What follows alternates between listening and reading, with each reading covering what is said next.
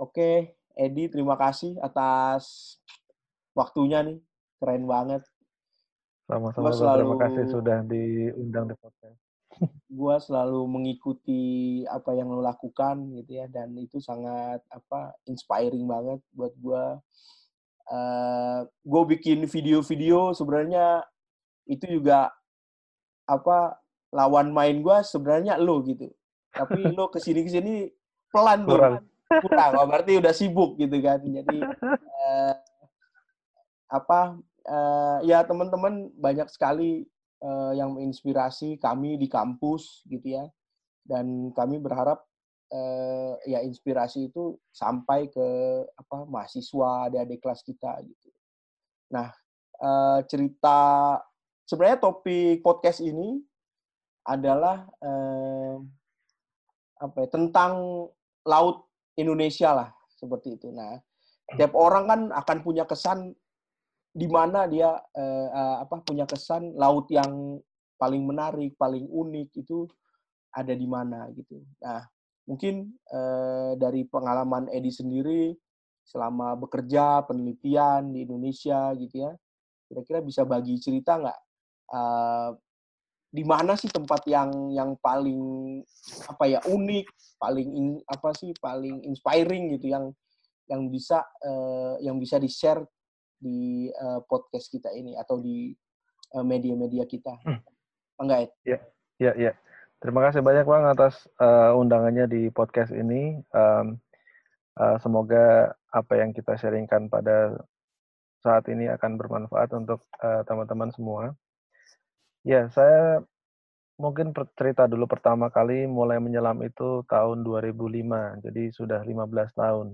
Dan um, mungkin seribu lebih uh, dive sudah saya lakukan uh, di beberapa tempat di Indonesia dan, dan juga di tempat-tempat uh, lain di luar negeri.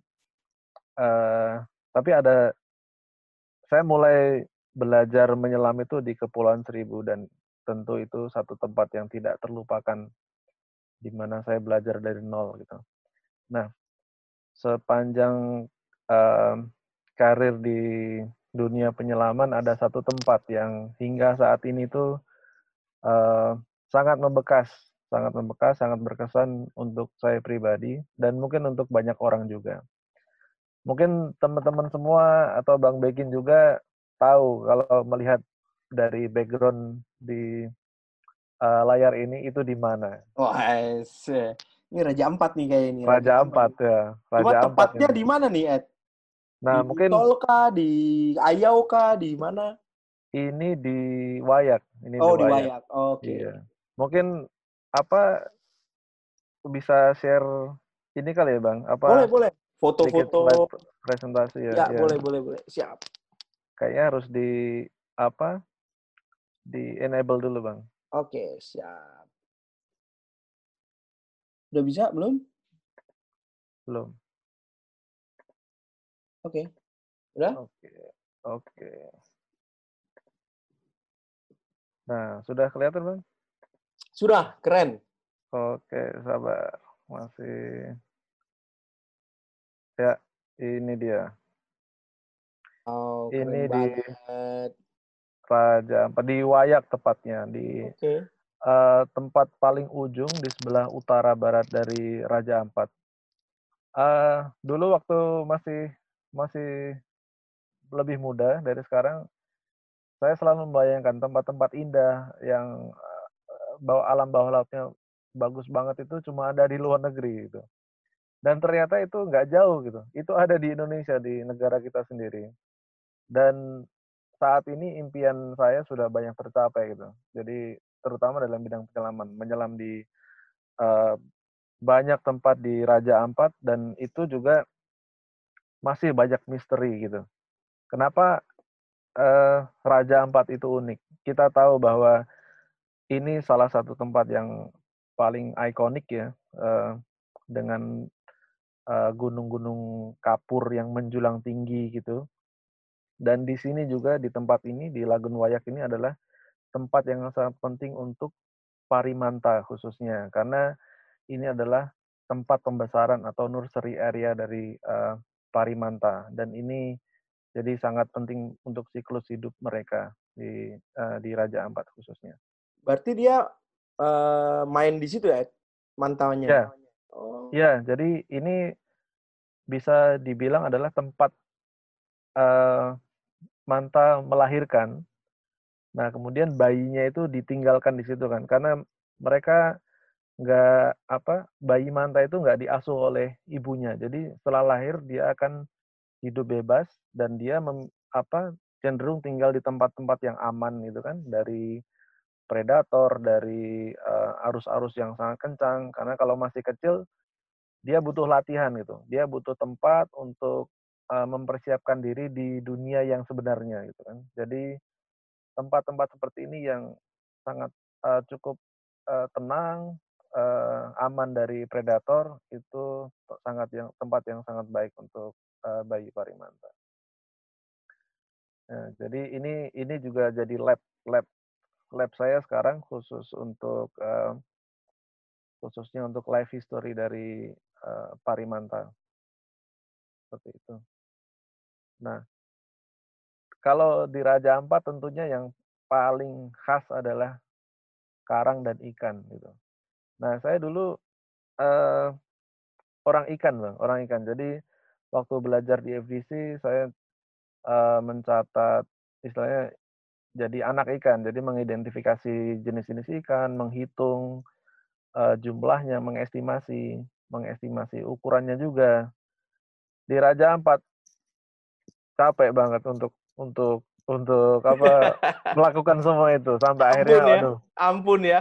Ampun minta ampun. Udah akhirnya udah kayaknya pensiun aja lah. Pensiun ya. Pensiun. Jadi bener-bener ada beberapa tempat yang kita tuh kayak eh, apa ya berenang di antara ribuan ikan. Jadi ikan ikan besar ikan kecil. Jadi dan karang-karangnya pun berwarna-warni jadi super hebat kalau saya bilang. Gitu. Nah, nah tidak hanya itu, jadi nggak apa tidak cuma karang dan ikan, tapi dari yang kecil sampai yang besar pun kita bisa temukan dari kecil seperti apa nudibranch itu kita bisa temukan di beberapa lokasi yang memang khusus untuk diving nudibranch misalkan sampai hiu juga banyak terutama black tip hiu paus sampai ke uh, paus. Nah, di sebelah di gambar ini ada paus omura. Jadi omura suel ini cukup jarang ditemukan uh, dan baru dideskripsikan beberapa tahun yang lalu. Jadi ini ini baru bulan Januari kemarin uh, berinteraksi langsung dengan paus ini dan cukup cukup terkesan juga sih. Wah, ini yang bikin iri nih kalau udah ngeliat-ngeliat kayak gini nih dari sini. Waduh, keren banget ini. Ini yang Film. umurnya ketemu di di daerah mana ya? Ini di daerah dekat Arborek, Bang. Dekat Arborek. Oh, dekat sekali berarti ya, nggak terlalu jauh. Dekat banget. Jadi Dekat banget ya. Luar yeah. biasa. Iya. Jadi waktu ketemu dia itu justru pas survei Manta. Pas survei Manta kita lihat dari jauh ada semburan uh, airnya itu kan jadi wah ini ada paus nih. Nah pas kita dekati ternyata uniknya adalah dia ini makan bareng dengan uh, oceanic manta. Jadi ada pari manta kan ada dua jenis ya, ada reef manta dan oceanic manta. Dan waktu itu kita lihat uh, paus omura ini dia makan atau feeding bersama-sama dengan uh, oceanic manta. Jadi ini satu hal yang baru juga ditemukan ada interaksi antara dua megafauna ini. Atau memang airnya juga banyak makanan di situ. Jangan-jangan bukan mereka berdua aja ya kali. Di bawah-bawahnya kan bisa macem-macem itu ya. Iya, ikannya banyak, tunanya banyak juga mungkin yang makan di situ. Iya. Nah ini filmnya belum dibikin bang, tenang aja nih. Nanti ah, akan dirilis. Tidak. Aku View Paus udah punya tuh footage dari drone-nya, tapi kalau Paus ini waduh, ampun deh belum ketemu deh. Nah, dugong juga ada kemarin. Jadi jadi banyak juga. Jadi selain ini kita juga ada dugong, ada penyu, pastinya kan penyu di Raja Ampat itu ada uh, penyu uh, belimbing juga yang kita bisa temukan di beberapa tempat uh, dan pastinya penyu hijau dan penyu sisik. Um, uh, tadi saya bilang ada dugong. Nah, dugong ini termasuk yang apa? Populasinya sebenarnya masih cukup banyak di Raja Ampat dibandingkan di tempat-tempat lain. Di beberapa tempat kita masih sering ketemu dia dengan apa induk dengan anaknya. Jadi kalau cukup beruntung, uh, seperti saya kemarin pas survei manta di belakang apa uh, manta yang lagi feeding itu ada dugong di bawah air. Jadi dia ngapain itu? Oh, lagi nggak tahu lagi apa jalan-jalan aja di air oh. itu. Hmm. Jadi itu ya, di mana banget. di daerah Wayak atau di dekat Arborek? Ah, gila gila gila gila harus iya. balik lagi ke sana nih harus balik lagi itu harus balik lagi jadi banyak kesan sih uh, dari megafaunanya terus uh, dari geologi bawah lautnya juga banyak jadi kita mau uh, menyelam apa dengan model apa juga ada. Jadi mulai dari drift dive atau mau dari di mark dive juga ada. Atau mau nyelam di wall atau mau nyelam di goa itu ada. Di banyak tempat terutama di Wayak itu daerah Wayak kan banyak pulau-pulau kecil juga. Di situ banyak uh, goa-goa yang kita bisa masuk ke sana terus uh, wall diving itu sangat-sangat menarik karena banyak banyak sekali ikan dan visibility-nya bisa lebih dari 30-40 meter. Wow, jauh. jernih Jadi, banget ya. Iya, jernih banget dan hangat jadi bisa dibilang ya kita nggak perlu pakai wetsuit yang tebal-tebal gitu kadang cuma pakai celana pendek dan iya uh, kalau aku lihat foto-fotonya ini pakai uh, rash guard aja sama ini ya nggak iya. nggak pakai wetsuit dan segala macam ya. Iya cukup. Lebih praktis ya iya. Ya uniknya itu sih bang. Jadi raja dan apa di Raja Ampat sendiri kan uh, dalam 10 tahun terakhir ini banyak sekali ditemukan uh, spesies baru ya. Jadi uh, secara oceanografi, secara uh, tempat memang Raja Ampat itu unik ya karena dia seperti pabrik pabrik dari spesies-spesies baru ini. Dan banyak sekali yang pasti belum kita temukan uh, seperti apa ikan raja laut uh, yang waktu beberapa tahun lalu ditemukan di Manado, di Raja Ampat pun ada. Mola-mola juga ada di Raja Ampat. Jadi uh, mamalia laut selain dari Omura whale ini ada uh, ada blue whale juga ada, terus kemudian ada Sosa chinensis uh, oh. Yang cuma ditemukan di daerah mangrove itu pun ada itu uh, saya pikir endemik, tapi tentunya kita uh, perlu ada penelitian lebih lanjut ke sana. Jadi banyak sekali hal yang uh, menarik untuk dipelajari dan itu tidak perlu jauh-jauh kita ke luar negeri. Semuanya ada di sana gitu. Iya, betul. Jadi ini buat teman-teman nih, ayo kita ke Raja Ampat nih.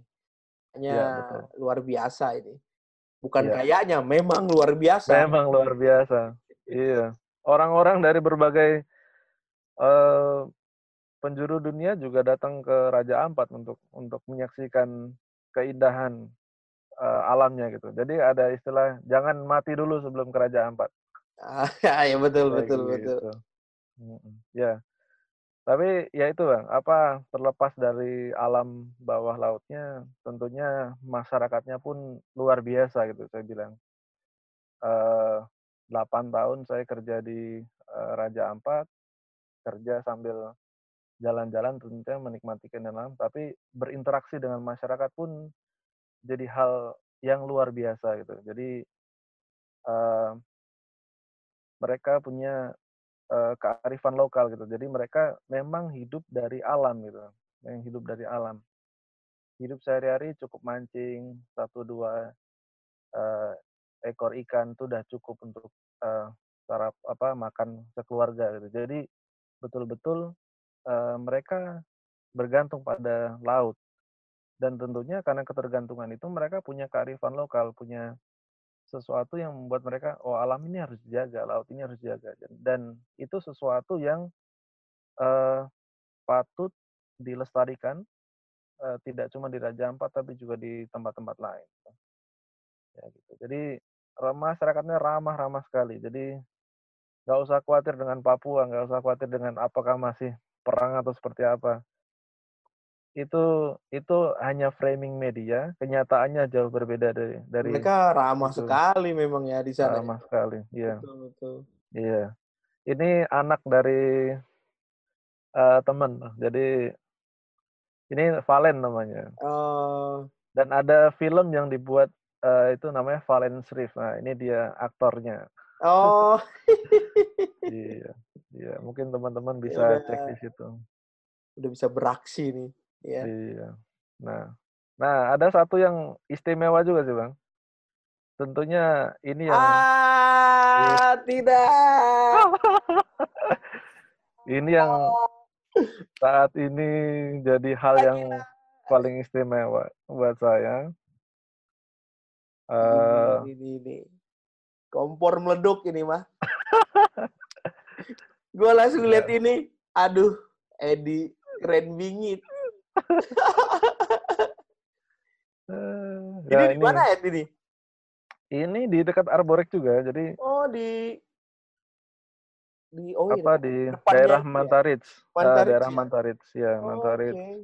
Jadi apa di situ di daerah sekitar Arborek di Selat Dampir itu nggak jauh dari nggak jauh dari Waisai atau Sorong sebenarnya kan. Itu di tempat yang sedekat itu sebenarnya kita bisa melihat keajaiban alam sebenarnya kan. Gila. Bagaimana... Ini nggak nggak ada di tempat eh ya, ya benar sih. Ini kan yeah kayaknya footage gini baru dirimu nih yang punya nih kayaknya. yang cukup banyak ya, Bang? Yang... Iya, yang banyak gitu. Iya. Jadi kemarin kita mendokumentasikan bulan Januari lalu sampai 50-60 ekor lah dalam satu kali gitu. Iya. Meskipun eh. itu nggak se wow yang tahun lalu sampai 100 ekor lebih. Oh, oke. Okay. Iya, iya. Tapi ini menarik sekali untuk uh, apa? uh, belum banyak yang dipelajari tentang parimanta sebenarnya. Betul, betul. Iya. Kalau kaitannya dengan oceanografinya, yang gitu-gitu, udah ada yang menggarap belum, Ed? Kalau oceanografi, uh, waktu kemarin saya, uh, jadi waktu tahun 2015,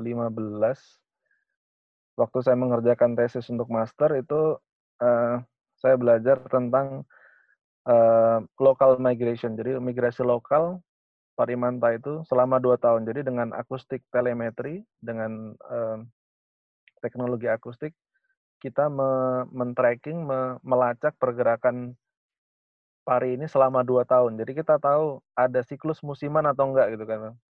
Dan itu ternyata berhubungan dengan uh, angin muson. Jadi waktu uh, apa waktu angin selatan di Raja Ampat mereka berpindah dari uh, berpindah ke tempat yang di situ uh, ternyata kaya akan makanan gitu dan makanan okay. mereka kan makan plankton ya plankton, dan iya. itu ternyata uh, terpengaruh oleh adanya uh, uh, apa namanya uh, arus juga. Ada arus ada upwelling juga. Jadi benar-benar mereka sebagai Parimata sebagai hewan ya, sebagai fauna, mereka tetap memiliki insting untuk mengikuti di mana makanan itu berada. Dan makanan itu sangat dipengaruhi oleh uh, perubahan cuaca, perubahan iklim yang ada di satu uh, area itu. Iya, berarti kan untuk mendapatkan informasi yang powerful gitu ya, yang uh, bisa menjawab ini kan memang ya semua kekuatan harus bareng ya. Jadi ada iya. oceanografinya, marine biologisnya, marine teknologinya. Kayaknya memang ya di kita juga perlu juga nih integrasi riset-riset seperti ini gitu ya. Betul banget bang. Jadi apa justru selama penelitian ini ya, gitu, saya merasa apa yang ada di ITK itu kepake semua gitu. Dari mulai telemetri, dari mulai biologi, oceanografi, remote sensing, itu nggak bisa terpisahkan. Jadi sebenarnya itu harus harus apa dalam mengerjakan sesuatu atau memecahkan suatu masalah mencari jawaban semua harus berkolaborasi dan itu ya itu saya rasakan pas penelitian master kemarin itu semua terpakai empat empat itu sampai sekarang pun masih terpakai karena sekarang saya juga pakai drone ini ini kan bagian dari apa ya istilahnya uh, ya kita istilahnya penggunaan uh, teknologi modern ya untuk monitoring uh, fauna gitu ya. Mantap ya betul. Ya. ya karena dari publikasi kan belum ada nih kalau mamalia apa lumba-lumba misalnya gitu ya itu udah ada udah ada yang pakai drone kan udah ada tuh itu ya, dia masuk nature kalau nggak salah berarti lo nih akan masuk nature nih deh yang Insya drone Allah, ini semoga, kayaknya ya semoga ya. keren banget nih Nanti kayaknya perlu perlu sesi khusus nih tentang penelitian manta nih kayaknya. Wah, boleh juga, Bang. Boleh. Ya. Ada ada banyak sekali yang Betul. bisa di-share sebenarnya. Bisa-bisa. Oke. Okay. Iya, iya, iya.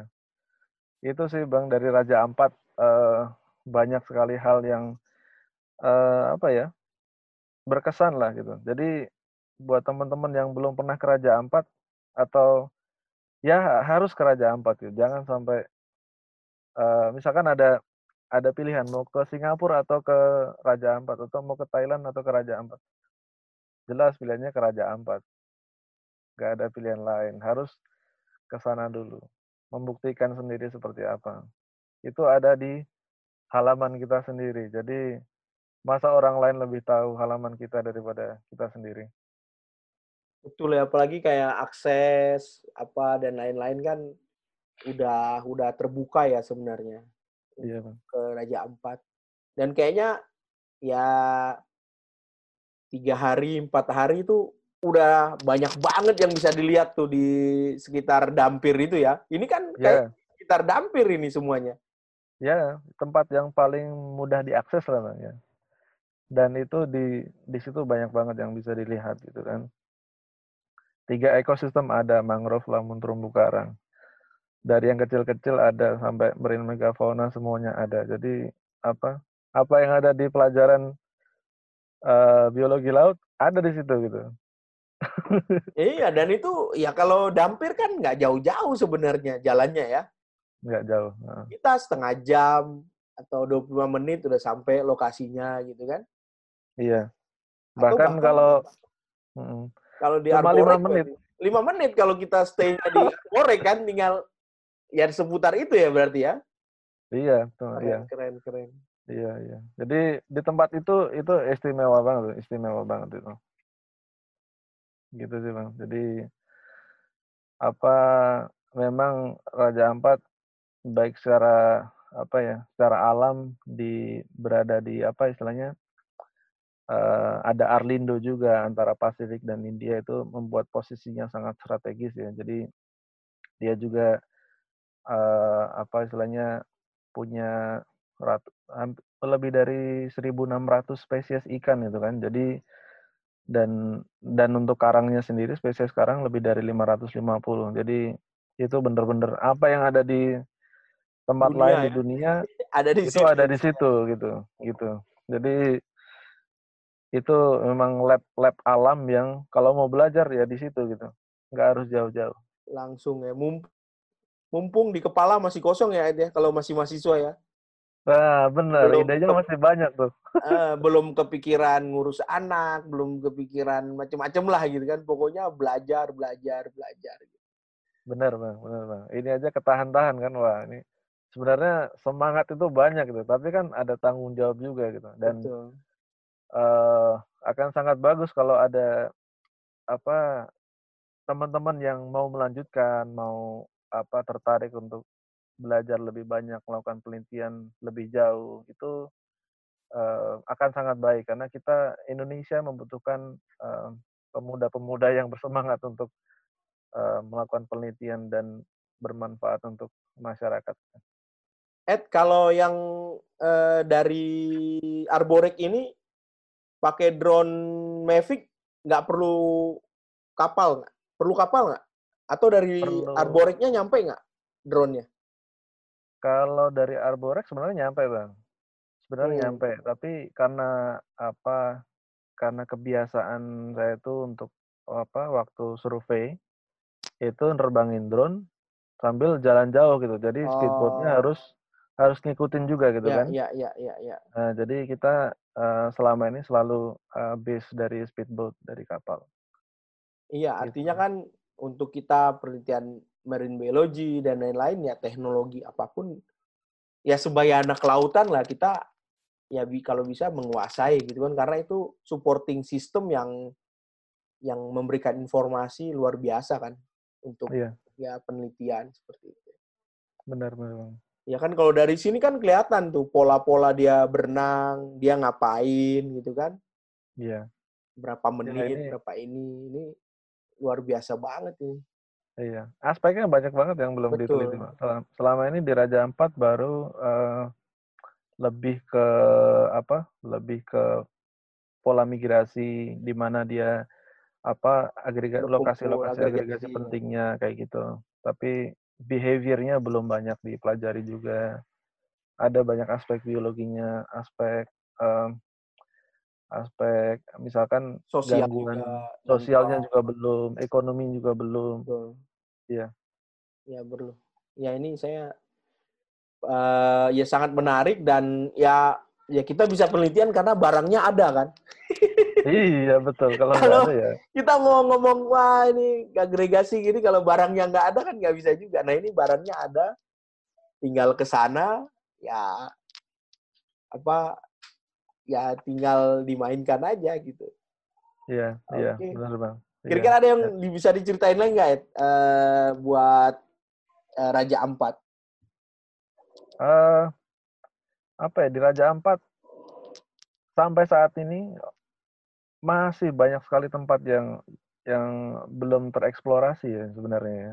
Eh, selama ini orang-orang hanya pergi ke tempat-tempat yang selama ini sudah diketahui gitu. Tapi sebenarnya di sisi lain di beberapa tempat di Raja Ampat tuh kita sulit menjangkau ke sana gitu dan eh, tentunya ada peluang yang lebih besar lagi kan untuk kita bisa eh, mengeksplorasi. Saya sendiri juga beberapa waktu beberapa tahun ini mencoba mencari lokasi-lokasi baru yang selama ini belum belum dieksplor dan itu saya menemukan banyak hal gitu ya. Hmm.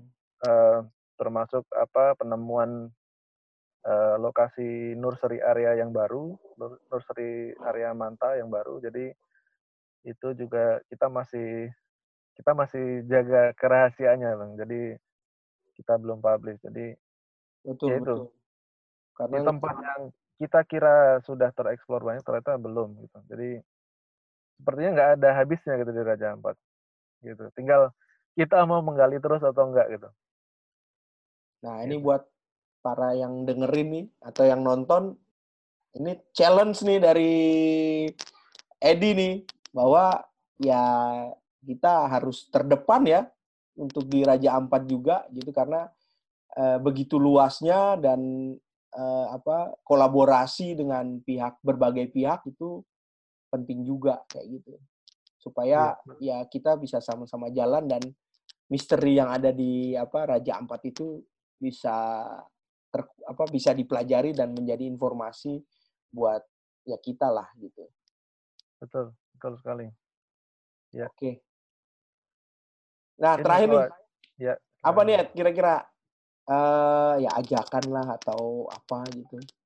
Dan buat yang dengerin atau nonton eh, acara ini terkait dengan Raja Ampat lah. Dengan Raja Ampat ya. Ah, yang pastinya ajakan saya adalah eh, kalau teman-teman belum tahu, pastinya harus cari tahu gitu. Eh, sebenarnya seberapa hebat gitu kan.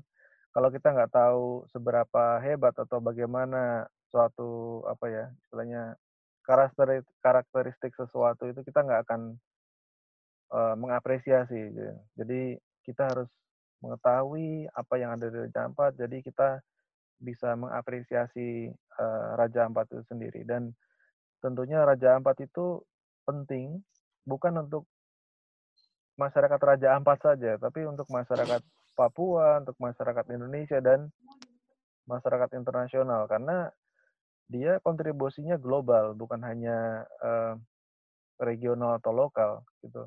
Jadi sumber daya ikan, sumber daya terumbu karang itu uh, istilahnya dia menyebar ke seluruh tempat dengan adanya um, pengaruh-pengaruh oceanografi seperti Arlindo dan sebagainya. Jadi uh, ya, mari kita melihat lebih jauh, mempelajari lebih jauh tentang apa yang ada di Raja Ampat. Jalan-jalan boleh gitu, tapi cobalah untuk uh, jalan-jalannya itu meaningful gitu. Jadi ada sesuatu yang uh, bermanfaat gitu. Gak cuma untuk kita sendiri, tapi juga untuk uh, orang lain. Itu saja sih bang. Oke, Waduh, keren banget nih ya. Teman-teman yang kita dengar dari uh, Edi. Ya, Edi ini angkatan 41 ya, Ed ya? Ya, Dan udah bergelut berapa tahun ya? 15 tahun lah ya di di laut gitu ya. Di laut ya, di, di laut. Belajar ya bahkan punya jadi sudah sudah membandingkan juga apa yang ada di luar negeri, ada yang di Indonesia sendiri dan memang epicentrumnya itu ada di Raja Ampat, ya nggak Ed? Bener nggak? Iya betul, ya epicentrumnya. Oke, uh, terima kasih banget uh, Ed untuk sama-sama bang, ya. Apa ya sharingnya? Mudah-mudahan ya menginspirasi dan lebih banyak lagi orang yang mau mengeksplor apa yang ada di Raja Ampat dan memberikan apa ya? Ya kita bisa berkontribusi terhadap uh, apa dunia kelautan dan perikanan di dunia seperti itu. Oke, okay, ya. thanks ya. Terima kasih banyak, Bang. Oke. Okay. Oke. Okay.